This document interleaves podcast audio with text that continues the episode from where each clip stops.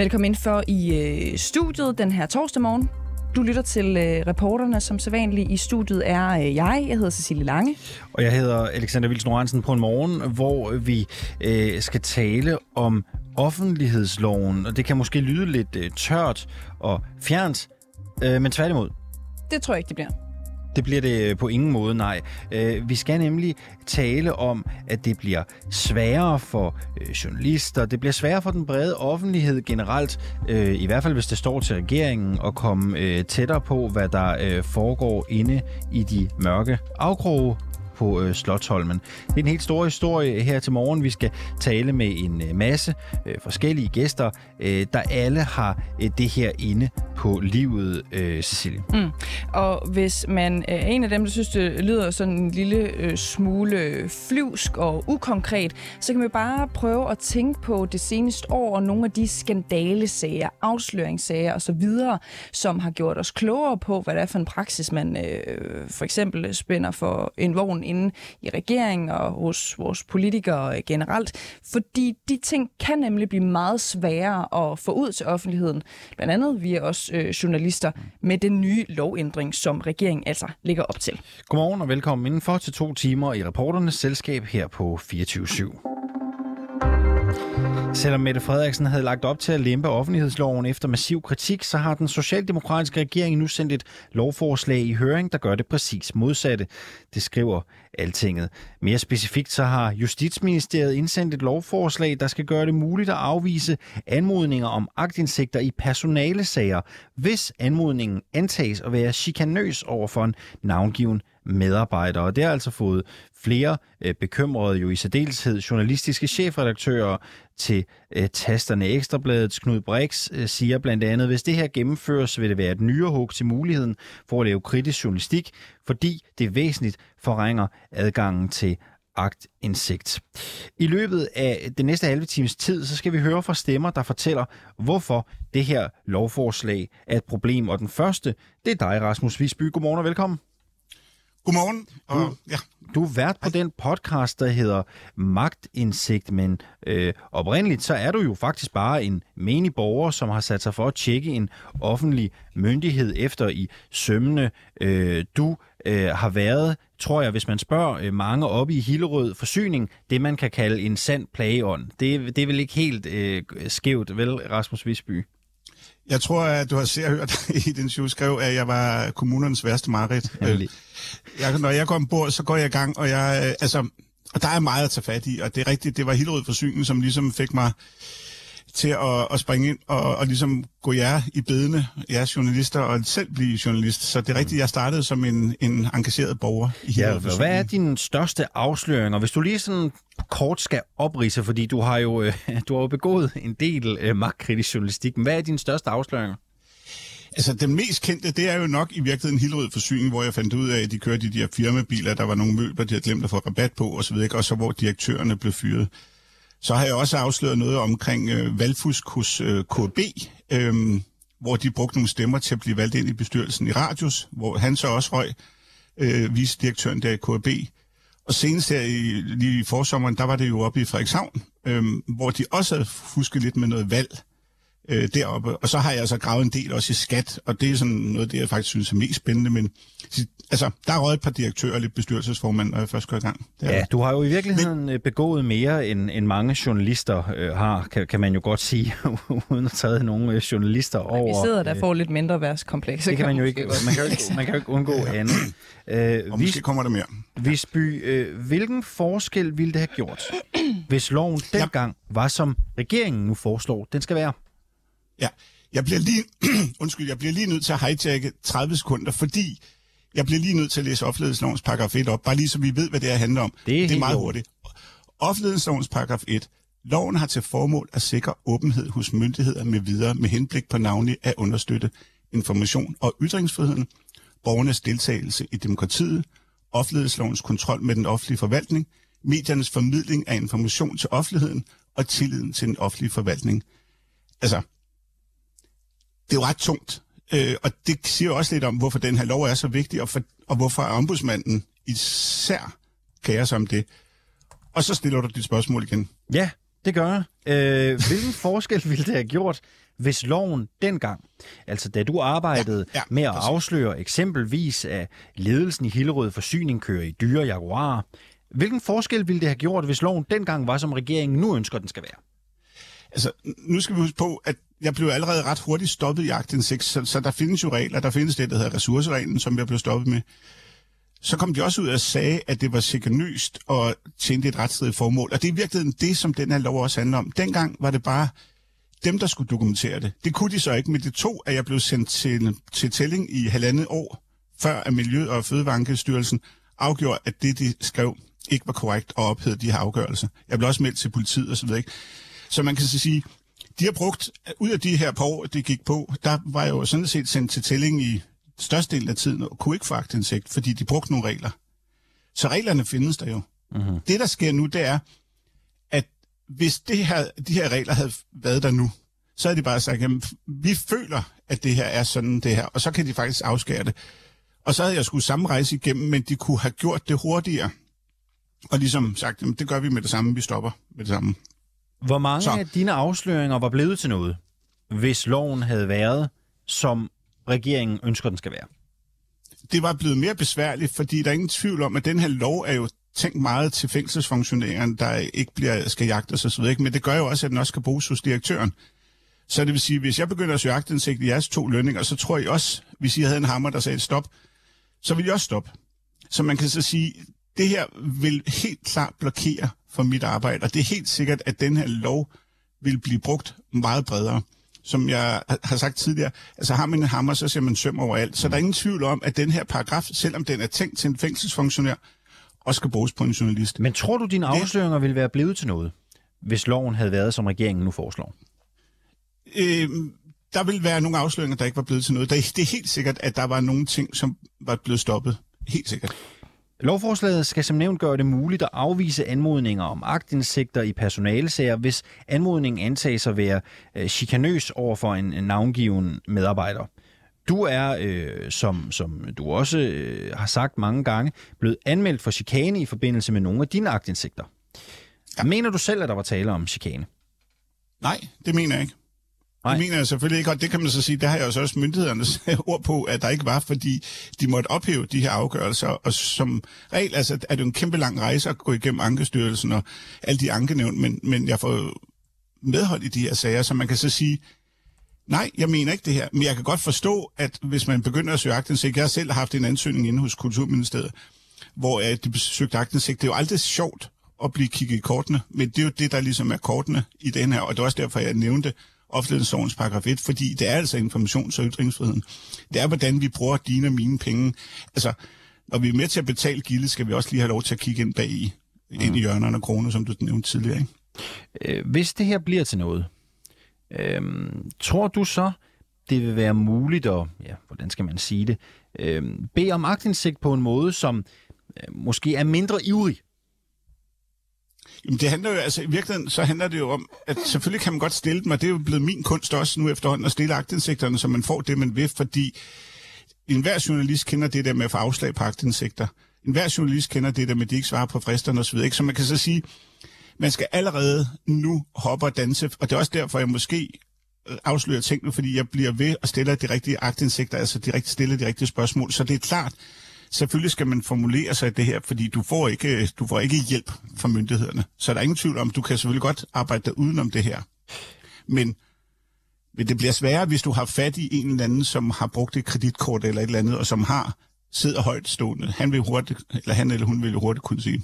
Argumentationen bag lovforslaget er jo, at offentlige medarbejdere ikke skal risikere chikane, øh, fordi de passer deres arbejde.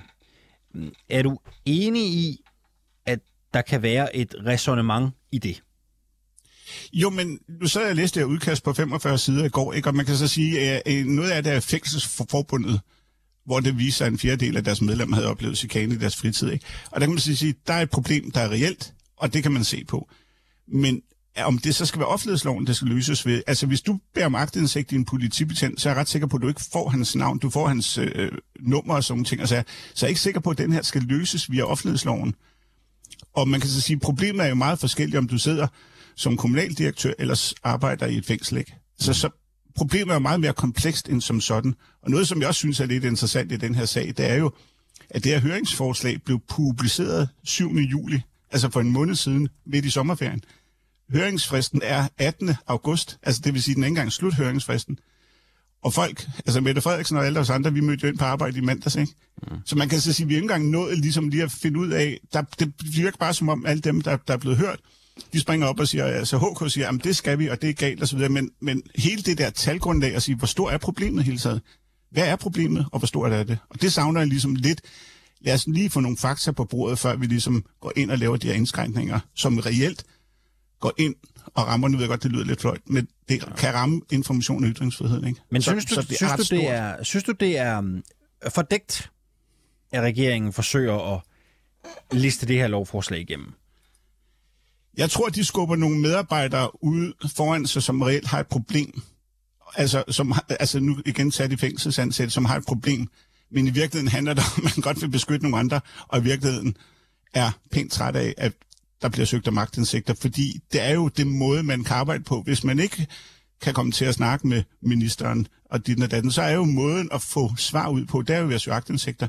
Det er jo den måde, man kan arbejde på. Ikke? Så man kan så sige, så længe dialogen er, som den er, så, så er det et problem, og så bliver offentlighedsloven brugt en del, og det tror jeg, der er mange, der er træt af. Rasmus Visby, øh, tak fordi vi måtte øh, tale med dig her til morgen. Jamen, velbekomme og god dag. Vi har naturligvis bedt justitsminister Mathias Tesfaye med et interview, men det er hans øh, pressefolk ikke imødekommet. Vi har også forsøgt at få fat i Socialdemokratiets retsordfører Bjørn Brandenborg, der forsvarer lovforslaget på Twitter, men han har ikke svaret på vores henvendelse.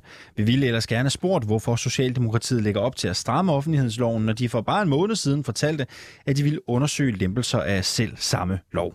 Og vi fortsætter med at sætte Justitsministeriets øh, lovforslag om skærpelse af offentlighedsloven under lup. Et øh, lovforslag, som flere eksperter jo mener vil forringe borgernes ret til agtindsigt. Men nu skal vi høre fra en, der øh, som udgangspunkt sådan set bakker op om det her lovforslag, nemlig dig, Henrik Gammelholm. Godmorgen.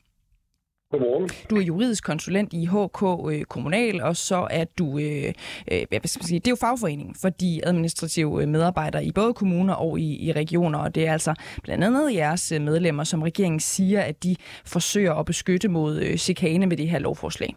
Øhm, Henrik Gammelholm, er der brug for det, altså øh, for bedre beskyttelse af medarbejderne i, i offentlige myndigheder?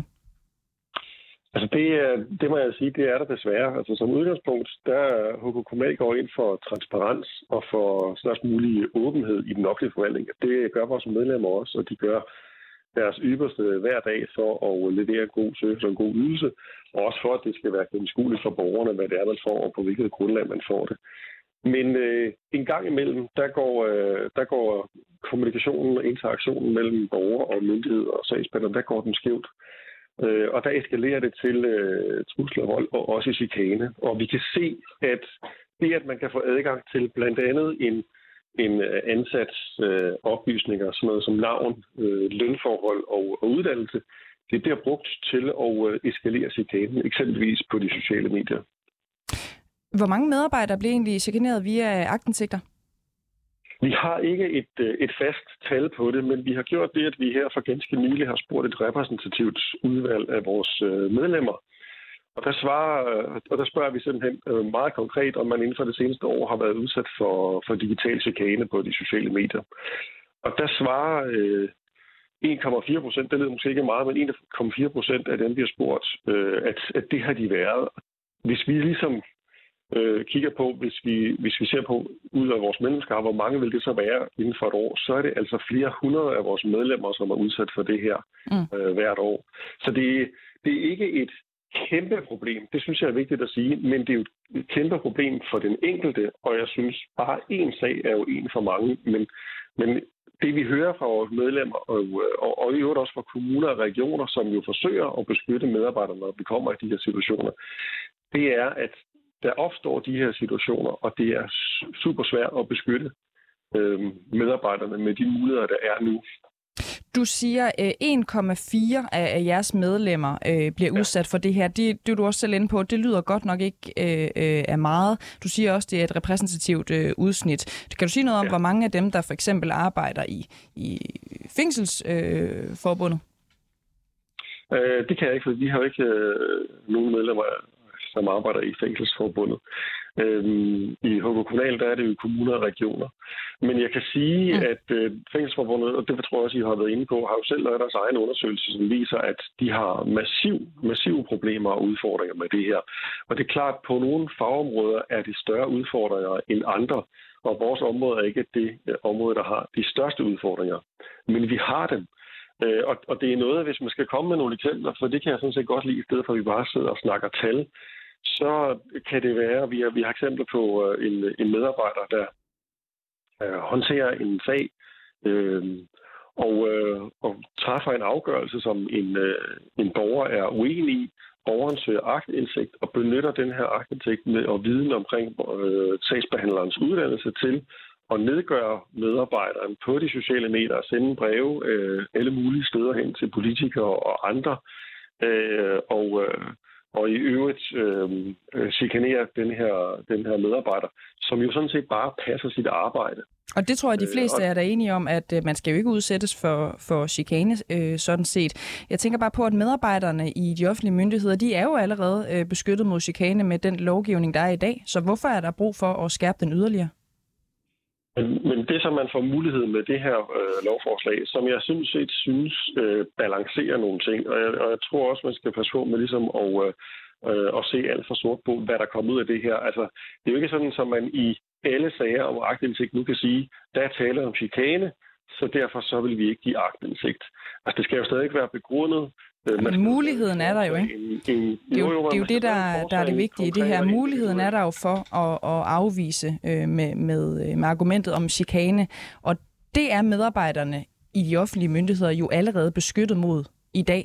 Så hvorfor ja, er der men, behov for at skærpe sådan, det her som, yderligere? Sådan som chikanen er nu, der foregår den jo ved, at man skaffer sådan nogle oplysninger om øh, om de medarbejdere, som man nu kan have set sig sure på, eller den medarbejder, som man er utilfreds med, og bruger de her oplysninger til øh, at tage chikanen til et, øh, et højere niveau. Og ved at man kan skærme medarbejderne, ved at man kan undtage nogle oplysninger fra at give videre til, øh, til, en, til en borger eller til en, der beder om arkindsigt, så er der nogle muligheder for at undgå den her eskalering. Jeg vil også sige, at, at når man skal se på lovforslaget som, at at det er, når tingene er kommet rigtig, rigtig langt ud, så er der en adgang til, at man kan øh, benytte sig af det her. Jeg er ikke så nervøs for, at hver gang der kommer en aktindsigt, fordi det tænker jeg slet ikke. Altså man skal stadig kunne begrunde, hvorfor de valg, som man gør. Så, så det bliver ikke sådan, man kan sige chikane hver, en, hver eneste gang, der er nogen, der kommer og spørger om noget, som man synes kan være lidt ubehageligt, eller nu kigger de os lidt i kortene. Men ikke desto mindre, så det, det vi bare kan se, det er, at vi har behov for noget, der, øh, der kan være, være præventivt i forhold til, at konflikten sådan set eskalerer. Og det er jo et redskab, som både vi og vores medlemmer, og for så vidt også kommuner og regioner, jo først vil tage i anvendelse, når alt andet er prøvet af. Man gør jo rigtig meget for at undgå konflikter, for at nedtone dem. Man forsøger konfliktmæling og og alle mulige andre ting for at imødekomme borgerne. Michael, øh, sådan, Michael Götze, der er professor i forvaltningsret ved Københavns Universitet, øh, han siger sådan her til Altinget, øh, at man i virkeligheden får givet nogle håndtag til kommuner og andre myndigheder, som kan synes, at agtindsigter er lidt besværligt, og så kan de bare bruge den her regel. Hvad siger du til den bekymring? Jamen, jeg tænker, der vil jo, der kan, man kan jo altid have en bekymring for, om der er nogen, der vil undgå at give øh, øh, give indsigt, når der bliver anmodet om, øh, om at få udleveret nogle oplysninger. Øh, det tror jeg sådan set ikke, øh, at, at, øh, at det bliver et større problem med, øh, med det her lovforslag. Og jeg tænker, det er også vigtigt at sige, at der er jo tilsyn med Men ved du det? og vi har jeg ved det ikke. Det ved Michael Gøtske heller ikke, hvordan det kommer til at blive. Så det, vi, vi gætter jo. Det, han er professor det, i forvaltningsret ved, ved, ved Københavns Universitet, kan, kan man sige, så, så hans skøn er, er måske sådan rimelig kvalificeret.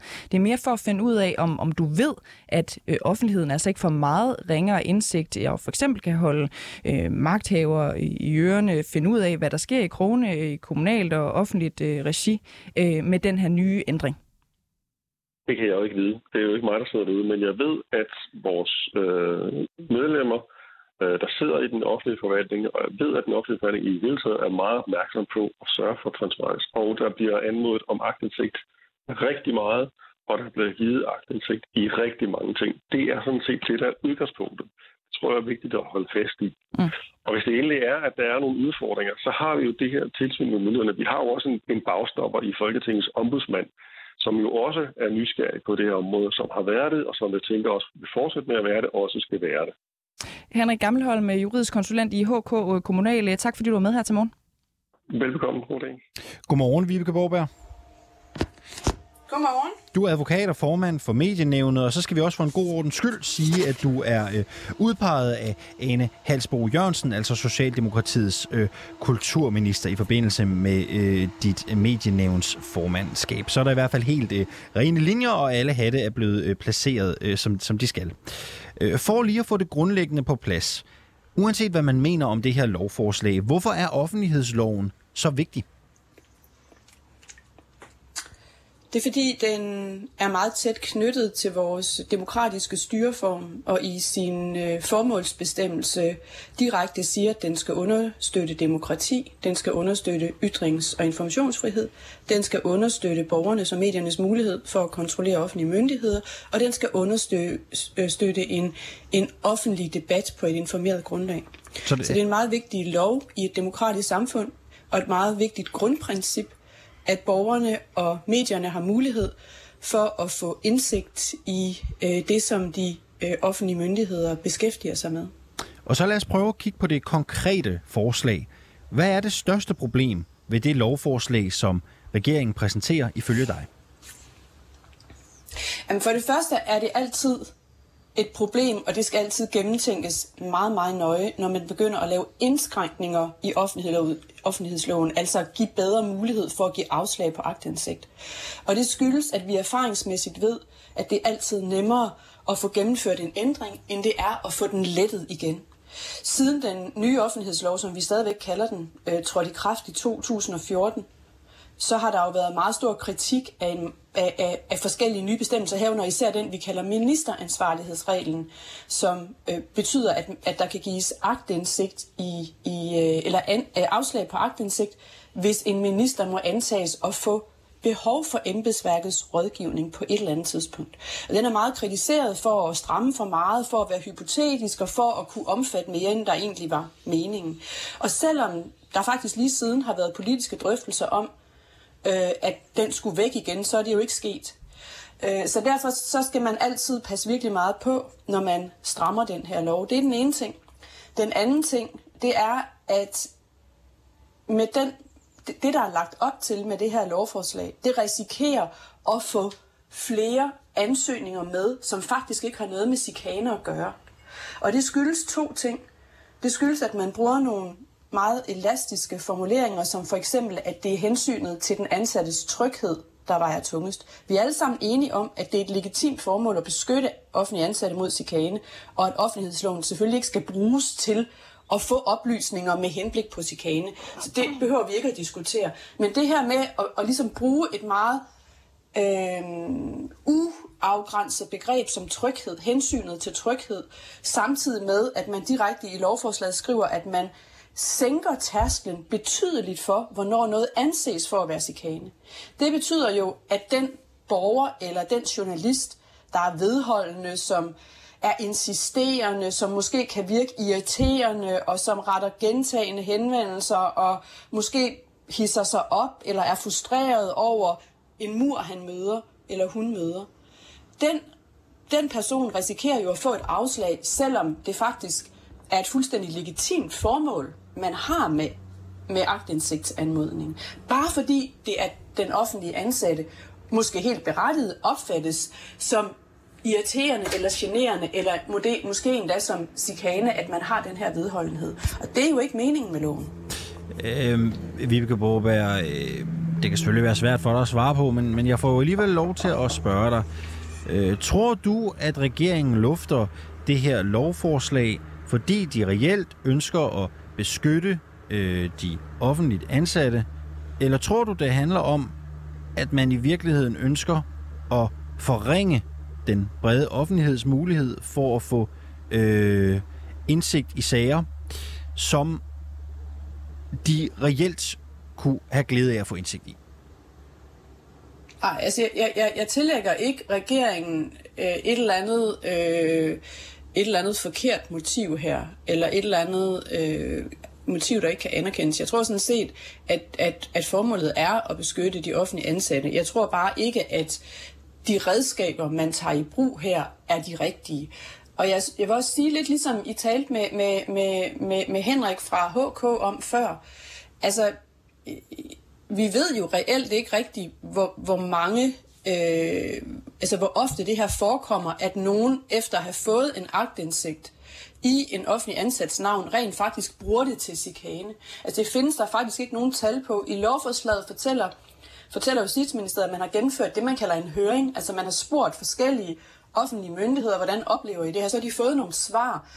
Men, men vi får ikke at vide rigtigt, hvor stort øh, omfanget af det her problem er. Vi får ikke rigtigt at vide, øh, der, der, de siger også, at der har været en stigning i antallet af sager, men, men, men hvad er det fra og til, det ved vi heller ikke rigtigt. Så jeg synes for det første, at man inden man går i gang med at stramme en lov, som faktisk er virkelig problematisk at stramme, så, så, så bør man jo have et meget, meget præcist grundlag og meget præcist øh, øh, altså faktum for at gå ud og sige, at det er sådan her, vi skal gøre. Det synes jeg, det er den ene ting. Og den anden ting, det er selvfølgelig, at man skal gennemtænke, også set i lyset af de erfaringer, vi har haft med den nye lov, at det der med at bruge elastiske øh, bestemmelser, det der med at skabe en risiko for, at der kan komme mere med, end der egentlig bør, det er altså, det, det, det er altså vigtigt at få det øh, klarlagt her, om, om det er det, man er i gang med. Så jeg synes i virkeligheden, at man skal, man, man skal, lidt, man skal lidt dybere ned, både i, hvor stort problemet er, og, og, og, og måske tænke i andre baner på løsninger, men så også øh, på, hvordan, hvordan, altså hvad det er for redskaber, man tager i brug øh, i forhold til offentlighedsloven. Hvis det her ikke er den rigtige måde at beskytte offentligt ansatte på, hvordan skulle man så gøre det i stedet for, hvis vi kigger ned i, men altså, juraen? Ja, men altså, man, hvis vi bare nøjes, altså, der, der findes jo lovbestemmelser i i, i andre love, herunder blandt andet straffeloven, som gør det strafbart at genere offentlige ansatte. Så det er jo ikke fordi, der ikke er lovgivning på det her måde, område, eller ikke fordi, der ikke er en beskyttelse. Jeg ved også, at for eksempel Arbejdstilsynet har meget fokus på, hvordan er det digitale arbejdsmiljø? Oplever man chikane? Oplever man, at man får nogle ubehagelige mails, eller hvad det nu kan være? Øh, så, så det er jo ikke fordi, der, der ikke er fokus på det her område. Når vi kigger på offentlighedsloven, så er det jo allerede muligt i dag at give afslag på agtindsigt, hvis det er formålet med en øh, med en anmodning er det, vi kalder retsstridigt, og herunder også sikanøst. Og vi har faktisk en ret omfattende praksis fra både domstolene, men jo især fra ombudsmanden, som lægger snittet for, hvad skal der egentlig til, for at man kan give et afslag på agtindsigt med den begrundelse, at der er en risiko for chikane. Så det er jo ikke fordi, vi mangler redskaber. Nu strammer man det her, og man, som man siger, og det er jo måske det, der er måske der er mest bekymrende, det der med, at man sænker tærsklen for, hvornår man kan betegne noget som chikane. Det vil sige, at man får meget mere med i den her gruppe. Det er den ene ting, og den anden ting er, at lovforslaget også lægger op til, at den ansattes egen opfattelse af, hvad det er, der foregår, skal tillægges betydelig vægt. Og det er klart, som, som Henrik fra HK også sagde før, det vil jo ofte være sådan, at den ansatte føler det meget ubehageligt, hvis man står for en meget insisterende borger eller en insisterende journalist, og man kan føle, at de der gentagende øh, henvendelser er ubehagelige, og man kan selv opfatte det som, som chikane, uden at det faktisk er, er muligt at sige, at selve formålet med ansøgningen er at chikanere, og det er jo det, man skal have fat i. Hvorfor er det, der søges agtindsigt? Er det for at gå ud og lægge en offentlig ansats navn øh, på, på, på Facebook og sige, at vedkommende ikke kan finde ud af sit arbejde? Eller er det faktisk fordi, at man søger noget information, som er helt legitimt i forhold til offentlighedslovens formål. Vibeke Borberg, tak fordi du var med her til morgen. Du er advokat, og så er du altså også fornævn, formand for Medienævnet.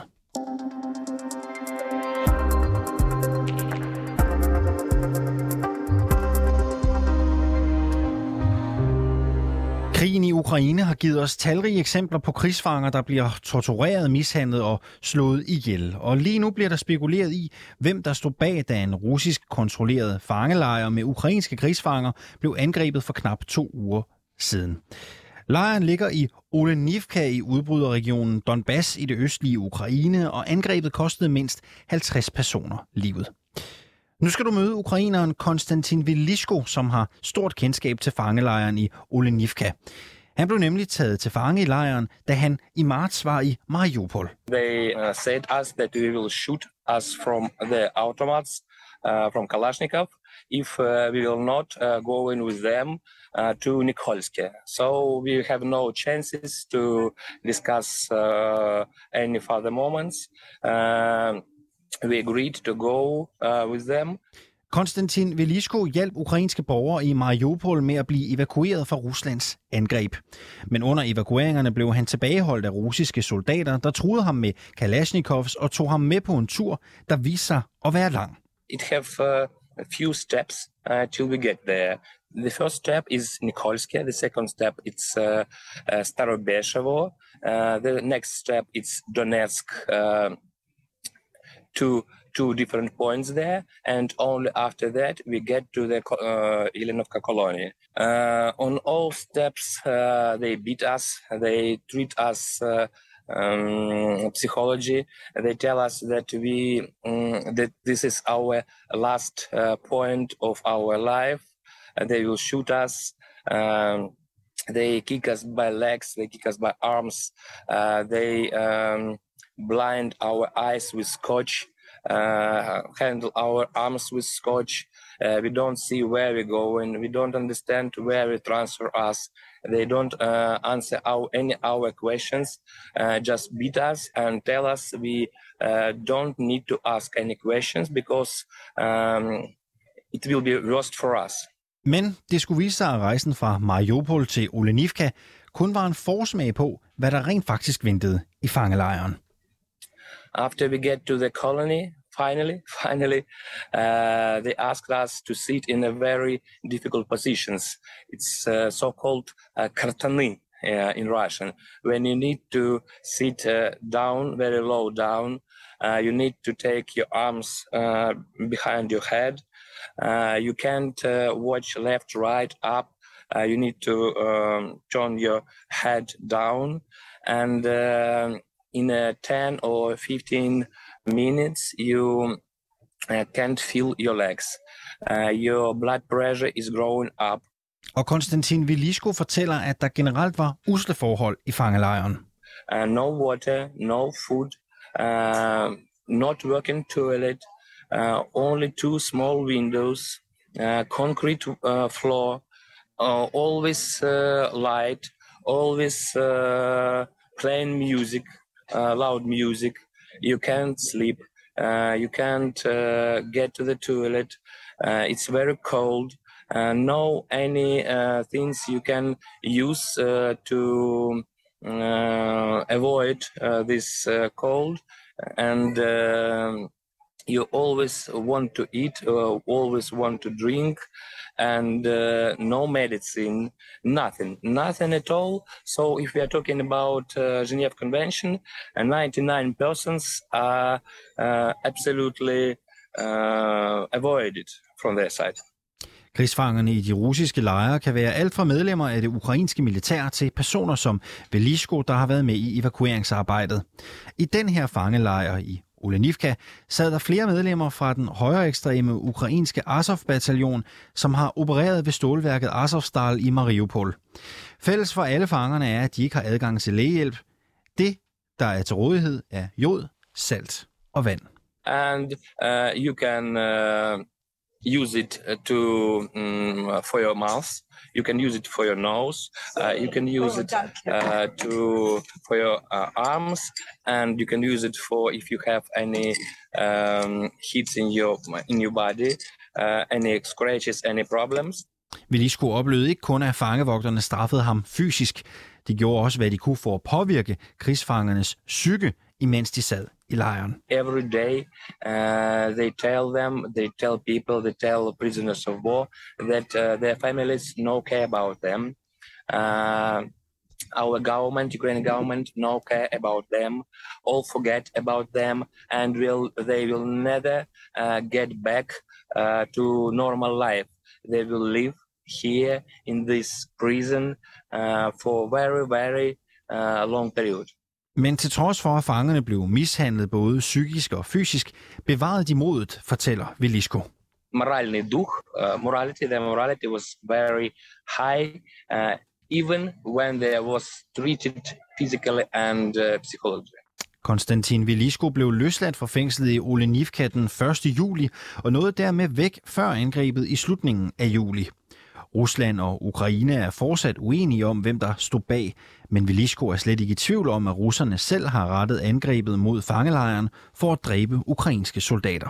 They hit directly into the place where prisoners of war was held uh, no, our, dem, no other damages, uh, no uh, fire, uh, nothing. Just hit exactly to the point uh, there two days before uh, our heroes was transferred. Godmorgen. Godmorgen. Godmorgen, Stefan Weikart, dansk journalist i Ukraine. Godmorgen. I dag med fra byen øh, Kriviri i den øh, centrale del af landet. Det er jo dig, der har talt med Konstantin øh, Valisku, som vi lige har hørt nogle bidder med øh, her. Der bliver som sagt spekuleret i, hvem der gennemførte angrebet i Olenivka. Altså Konstantin Valisku, han mener, at det er russerne. Er vi egentlig blevet klogere på, hvem der står bag?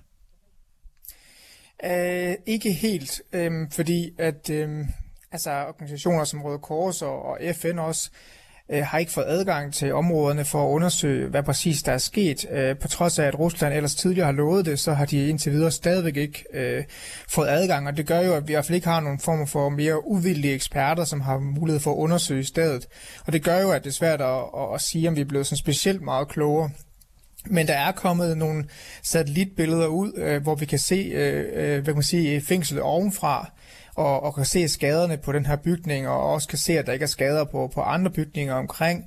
Og det er i hvert fald fået nogle eksperter her i Vesten til at slå tvivl om russernes forklaring, og øh, altså om den skulle være rigtig. Fordi det russerne det siger, det er, at det skal være det her vestlige leverede raketsystem HIMARS, som skulle være brugt. Øh, og det mener eksperterne ikke rigtig hænger sammen med de satellitfotos, som, som ses. Øh, men det er så tæt på, som vi er nu, øh, fordi vi, vi kan stadig ikke helt præcis vide, hvad der, hvad der er fundet sted. Konstantin Valishko er jo bare en af mange ukrainer, som har siddet i, i de her russiske, og i den her specifikke russiske fangelejre. Ved vi, hvor mange der lige nu sidder i en af de her lejre? Nej, ikke, ikke præcis et tal, fordi det, det er sådan en relativt stor lejr, og det, der er jo ikke rigtig adgang for for organisationer, øh, og særligt ofte. Øh, og vi ved også, at, at nogle fanger opholder sig der kun midlertidigt, det bliver så flyttet rundt til andre steder øh, i, i regionen, i de her russisk kontrollerede områder. Så vi ved det ikke præcis, men det vi kan sige, det er, at vi ved, at der skulle være over 2.000 øh, ukrainske militære øh, soldater, der blev taget til fange i omkring øh, Mariupol, da de nødlagde våben dengang. Og det i hvert fald øh, kan være en stor del af dem, der, der sidder der. Hvad er formålet, når den russiske side øh, fængsler ukrainere, som Valisco her, vi lige hørt fra, øh, der sådan set bare er med til evakueringsarbejdet? Ja, det kan vi jo... Det er lidt svært at sige præcis hvorfor. Øhm, altså man skal jo huske på, at det er jo lidt en kaotisk tid, når, når at, øh, altså tæt på frontlinjen, hvor de har så har prøvet at krydse ind øh, for at hjælpe med det her evakueringsarbejde. Så der foregår en masse øh, det gør der altid, foregår selvfølgelig rigtig meget øh, øh, nervøsitet og usikkerhed om, hvad præcis der foregår. Og Velisco har jo også sagt her, at han blev lidt han blev lidt beskyldt for at have andre, have andre formål, altså end, end at det var at lave evakuering. Altså de er ikke rigtig stolet på hans forklaring, så det kan være, at det, det simpelthen er på grund af universitetet, der skepsis skeptisk over for ham. Ja, det kan vi ikke rigtig det kan vi ikke vide. Kan de have en eller anden form for, ja, hvad skal man sige, ønske om øh, også at udsætte evakueringsmennesker øh, øh, øh, mennesker for den her form for, ja, jeg kalder det jo øh, tortur, men jeg ved ikke, hvad du siger? Jamen, det kan sagtens være. Altså, jeg tror i hvert fald, det som Velisco beskriver, det tror jeg i hvert fald falder under kategorien tortur. Så det kan sagtens være, at det er det. Vi skal også huske på, at der er i hvert fald en, det har vi jo fundet ud af, ikke kun omkring byen Mariupol, men andre steder, at, at de russiske soldater har været rigtig hårde mod, øh, mod civile, andre steder også. Øhm, så, så der er jo også et form for, for had, øh, blandt i hvert fald en del af de ukra- russiske soldater over for, for os øh, ukrainske civile. Valisco han beskriver jo, som vi også er inde på, nogle, nu øh, nogle meget usle forhold i, i de her øh, lejre. Vi har også set videoer af, af krigsfanger, som bliver udsat for decideret øh, tortur. Kan man sige noget om, hvem der bliver udsat for de værste straffe i de her fangelejre? Ja, fordi der er Velisco jo for eksempel et eksempel på en, som har været udsat for nogle ting, man har været skålet nok for det værste. Fordi jeg har også snakket med en anden fange derindefra, øh, som også er kommet ud, som også har fortalt det her med, at de, hørt, øh, altså de har hørt det her tortur i rum, øh, fangecellerne ved siden af dem, ikke, hvor der har været en del af de her øh, ukrainske militær øh, fanger, øh, der har opholdt sig. Altså, så der er ingen tvivl om, at dem, der går hårdest ud over, det er de her, øh, altså dem, der er en del af det ukrainske militær, og der ved vi jo, at øh, specielt den her Azov-bataljon, altså den her højorienterede bataljon øh, i det ukrainske militær, hvor der er en stor del, der er blevet taget til fange øh, i Mariupol og er i det her fængsel, at det går rigtig hårdt ud over dem. Fordi de er jo, øh, og bliver jo tit nævnt i, i de russiske medier, som værende præcis de her øh, nynazister, som, som Putin jo mener finder, er, i, er i Ukraine, og det er lige præcis dem, som bliver set som den store fjende. Og Ukraine altså, tager jo også russiske soldater til fange. Sådan er det jo typisk, når der, når, når, øh, når der er krig. Er det de samme forhold, som, som de bliver udsat for? Altså nej, altså jeg har ikke, øh, jeg har i ikke øh, kunne høre eller har, har snakket med nogle soldater eller noget, der har fortalt noget om, at det skulle finde sted i, i ukrainske øh, fangelejre, altså, altså hvor der er russiske soldater. Altså, og der har vi jo øh, meget bedre adgang til øh, end vi har på den russiske side. Så det vil overraske meget, hvis det, hvis det finder sted, i, og hvis i hvert fald hvis det finder sted i noget i nærheden af det her omfang, vi hører fra her. Øh, men det er rigtigt nok, at der jo også generelt set har været nogle videoer omkring, øh, hvordan ukrainske militær har, har behandlet øh, russiske soldater, når de har taget dem til fange ude ved frontlinjerne. Øh, og det har så heller ikke altid været... Øh, været specielt kønt heller, altså også været med, med tortur og, og også nogle øh, likvideringer. Øhm, og det, det foregår selvfølgelig, men jeg har ikke indtryk af, at det foregår, når det er sådan, at de kommer i fangelejr og så videre, og det er svært at vide, i hvilket omfang det er på den ukrainske side. Stefan Weikert, øh, dansk journalist i Ukraine. Tak fordi du var med os her til morgen. Selv tak.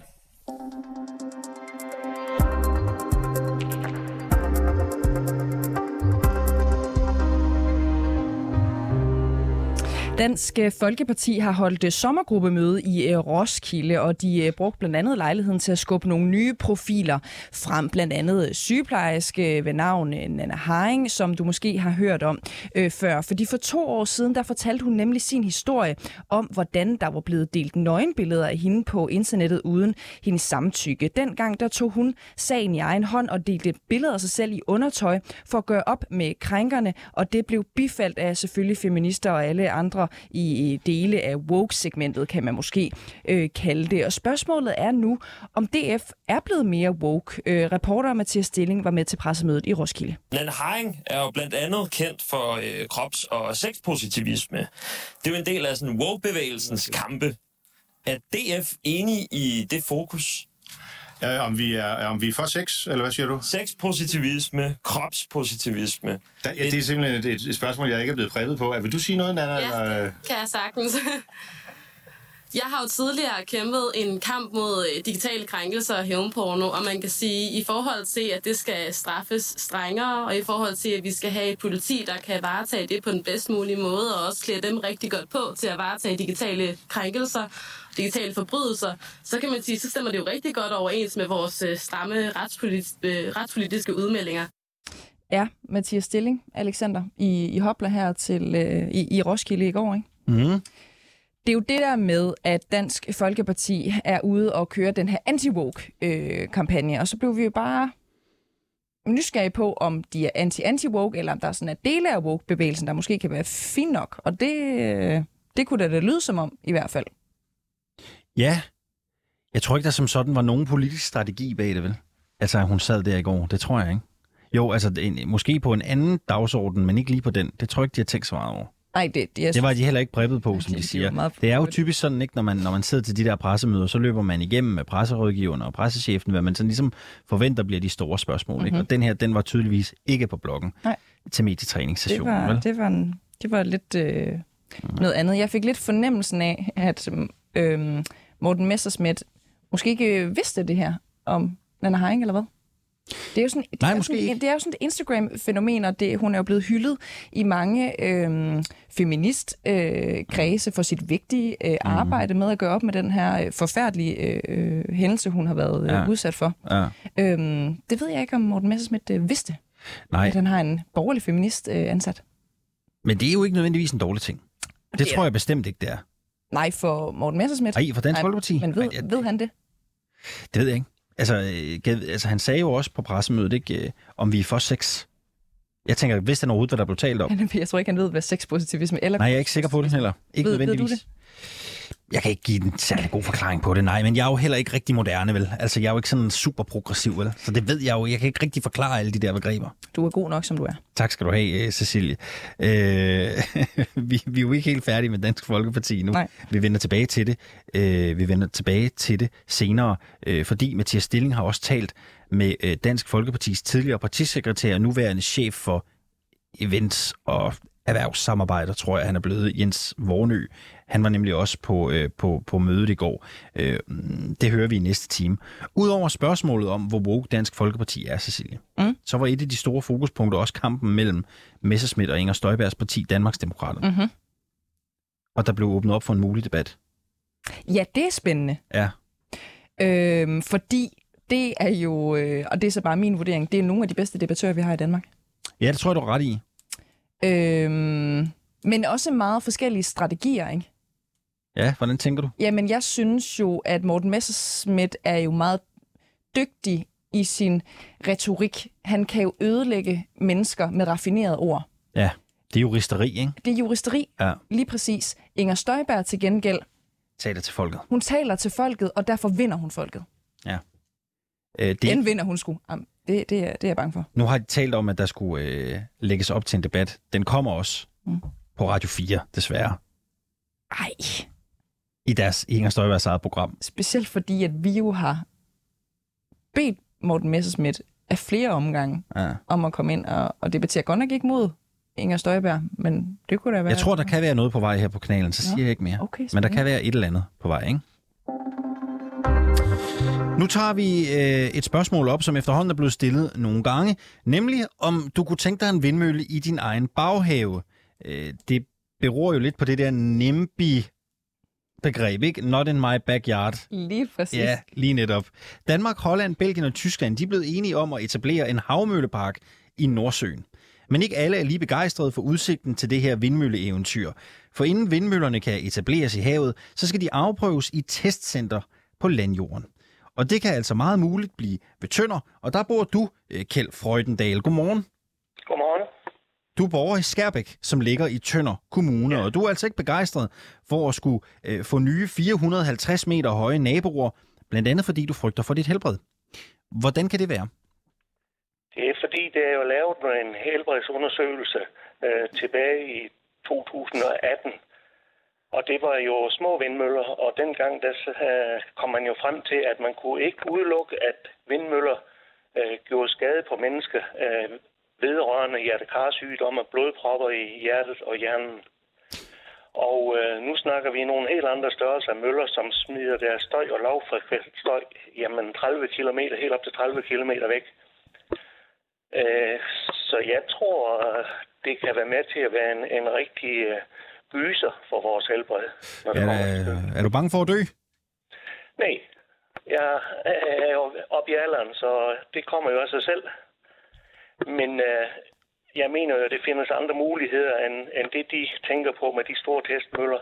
Og hvis øh, vindmølleindustrien mener noget alvorligt med det, så burde de jo lægge sådan en testmøllecenter ude på havet, øh, eventuelt på vores energiøer, som skal laves. Det vil da være mest rimeligt og rigtigt. Undersøgelsen, du refererer til, den er fra kræftens øh, bekæmpelse. Ja. Den viser jo ikke entydigt, at der er en sammenhæng mellem støj fra vindmøller og hjertekarsygdomme. Derudover så skriver Miljøministeriet på deres hjemmeside, at de netop tager højde for, at vindmøllerne ikke må støje over de tilladte grænser. Øhm, stoler du ikke på øh, myndighederne og øh, kræftens bekæmpelse? Det gør jeg faktisk ikke, fordi der er jo lavet beregninger. De, de, de, de målinger, de kommer med, det er ud fra nogle beregninger, de ligesom øh, har fået at vide fra vindmølleindustrien. Så dem, og dem stoler vi i hvert fald slet ikke på. Det har vi oplevet jo flere gange, når de kommer med deres projekter, så laver de kirkerne større og vindmøllerne små på de plancher, de kommer med, og så videre, og så videre. Bare lige for at være skarpe på det her. Så når Miljøministeriet skriver for eksempel, at de tager højde for, at vindmøllerne ikke må støje over de tilladte grænser, øh, mener du så, at Miljøministeriet, Miljøministeren, lyver over for danskerne? Ja, det synes jeg faktisk, de gør. Det må jeg ærligt indrømme. Jeg, jeg, jeg stoler overhovedet ikke på den. Hvor Øh, ved du det fra, når det ikke er opført endnu? det har vi sådan lidt fra udlandet, fordi øh, udlandet har jo også lavet undersøgelser øh, omkring støj, og øh, de er jo meget, meget mere skeptiske end det, som kræftens bekæmpelse kommer fra. I øvrigt tror jeg, at kræftens bekæmpelse får 10-12 millioner fra, fra vindmølleindustrien i tilskud hver år. Hvor ved du det fra? Det er noget, vi har fundet på nettet. Det må du, det må du selvfølgelig, øh, det må, det må du selvfølgelig fremlægge. Det, det vil vi gerne høre. Du mener, at kræftens bekæmpelse får 10-12 millioner om året i støtte fra øh, vindmølleindustrien? Det er det, vi har fået at vide, ja. Ja, for, for, for, Og for, øh, det fortæl. kan så godt være, at det har ændret sig i tidens løb. Det ved jeg ikke, men det er i hvert fald et tal, som har, det har gået som rygter om, at de fik et stort tilskud. Jo, er, er, ho, ho, ho, er, er det et rygte, eller er det noget, du ved? Det er ikke noget, jeg, jeg kan lægge øh, hovedet på blokken på, fordi øh, øh, det er nogle gange lidt svært at få agtindsigt i, hvor man får de forskellige midler fra. Vi, spørger, øh, vi må spørge kræftens bekæmpelse. Ja, må vi må må selvfølgelig meget ringe og spørge dem. Det er jo interessant, hvis det skulle vise sig at være tilfældet. Øhm, Kjeld øh, Freudendal, øh, vi står jo midt i en klimakrise. Det er der i hvert fald nogen, der mener. Ja, det er rigtigt. Øh, skal, vi ikke, skal vi ikke alle sammen tage en tørn for at sikre os, at vi kan komme godt i gang med den grønne omstilling? Helt sikkert. Alle os mennesker, og specielt der også i Danmark, øh, burde gøre noget for den grønne omstilling. Men den grønne omstilling er jo ikke kun at sætte vindmøller op. Fordi øh, man kan jo spare lidt på vores madspil. Man kan lade være med at bruge bilen hver eneste weekend. Man kunne jo godt lade den stå en gang imellem.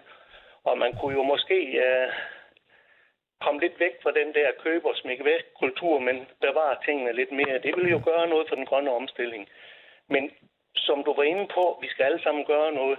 Så kan jeg for eksempel fortælle dig, at i Tønder Kommune, for hver gang du har 152 borgere, der står der en vindmølle. Mm. På Sjælland, der skal du hen til 0,000004 person. Mener du, at, øh, mener du, at det er jer i Jylland, i, øh, i vandkants Danmark, der skal, øh, der skal lide i den grønne omstilling, mens alle herovre i København og på Sjælland siger, at det vil være en god idé med flere vindmøller? Ja, det synes jeg i den grad, vi får lov til. Ja. Ja. Det er der ingen tvivl om. Og når man tænker på, at det man har lidt planer om at vil lave sådan en testcenter op til Vadehavet, som er så unik og er med på verdens naturarv, øh, så forstår man jo slet ikke, hvor de vil hen. Mm. Og, og øh, jeg forstår heller ikke vindmølleindustrien, at de ikke lige bare yder en lille smule i det spil her. Mm. Nu har vindmølleindustrien jo fået tilskud, siden de startede, og det sluttede først i 2018. Ganske kort her, øh, ganske kort, ganske kort her til sidst. Ja. Øh, hvad med et atomkraftværk som nabo i stedet for? Hvad tænker du om det? Det vil jeg meget hellere have. Det vil du hellere have? I, og, og særdeleshed, øh, når vi tænker Cyber Technology. Fordi de baserer det jo på thorium, og ikke på uran. Ja.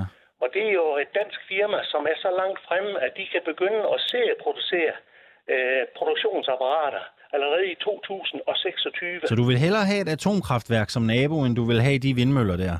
Jeg vil rigtig meget hellere have et atomkraftværk. Ja. Okay. Det er helt 100% sikkert, og jeg er heller ikke i tvivl om, at det kommer til at dø færre af atomkraft, end det gør af vindmøllestøj. Ja. Det er jeg slet ikke i tvivl om. Kjeld Freudendal, øh, tak fordi vi måtte ringe til dig her til morgen. Det var i orden. Og god morgen til dig. I lige måde. Kjeld Freudendal, som altså hellere vil have et atomkraftværk i sin baghave end et vindmølletestcenter.